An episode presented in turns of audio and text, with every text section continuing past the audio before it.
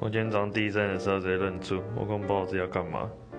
那我看所有人都往外跑了，然后我才反应过来，冲回去拿钱包，然后跟着大家一起跑到跑出去。